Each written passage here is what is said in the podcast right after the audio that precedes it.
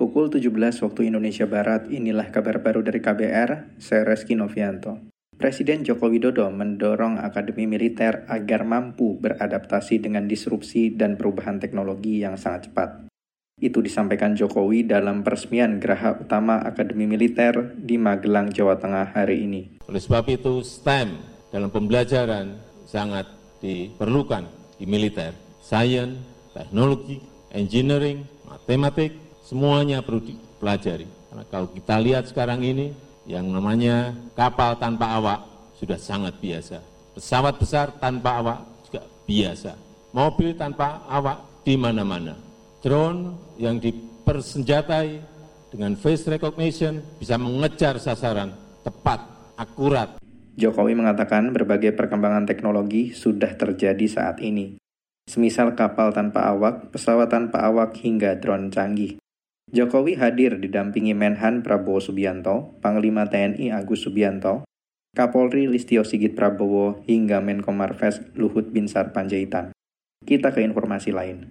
Komisi Pemberantasan Korupsi KPK diminta mengevaluasi kinerja secara menyeluruh usai turunnya survei penilaian integritas SPI di 2023. Menurut ex penyidik KPK Yudi Purnomo, pimpinan KPK yang sekarang harus lebih tegas menghukum para koruptor harus lakukan ya menghukum maksimal ya seluruh uh, koruptor yang tangkap ya merampas asetnya menyita uh, memiskinkan lah sebagai efek jerah kemudian perbaikan presiden ke depannya tentu pertama regulasi ya perkuat kembali KPK yang sudah lemah dan hancur Uh, kemudian uh, regulasi ya selesaikan undang-undang perampasan aset untuk memiskinkan koruptor, membuat kembali pembatasan terkait remisi bagi para pelaku korupsi.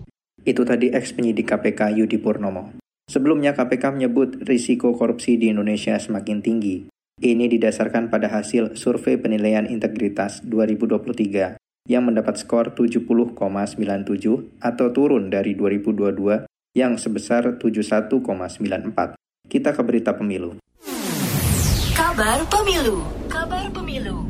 Kepolisian menyiapkan Satgas Pengamanan TPS luar negeri untuk mengawasi pemungutan suara pada pemilu 2024. Kepala Divisi Hubungan Internasional Polri, Krisna Murti, mengingatkan Satgas PAM, tempat pemungutan suara luar negeri untuk mengawasi rawannya surat suara. Jadi surat suara, fokus surat suara.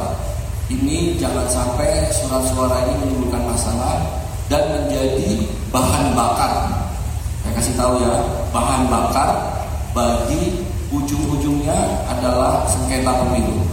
Kepala Divisi Hubungan Internasional Polri, Krisna Murti mengatakan terdapat 12 negara serta lebih 1,7 juta WNI yang akan melakukan pencoblosan di luar negeri. Sebelumnya, sebanyak 111 personel Polri akan disebar ke sejumlah negara seperti Malaysia, Singapura, Arab Saudi, hingga Belanda untuk mengawal pemilu 2024 di luar negeri. Demikian kabar baru KBR, saya Reski Novianto.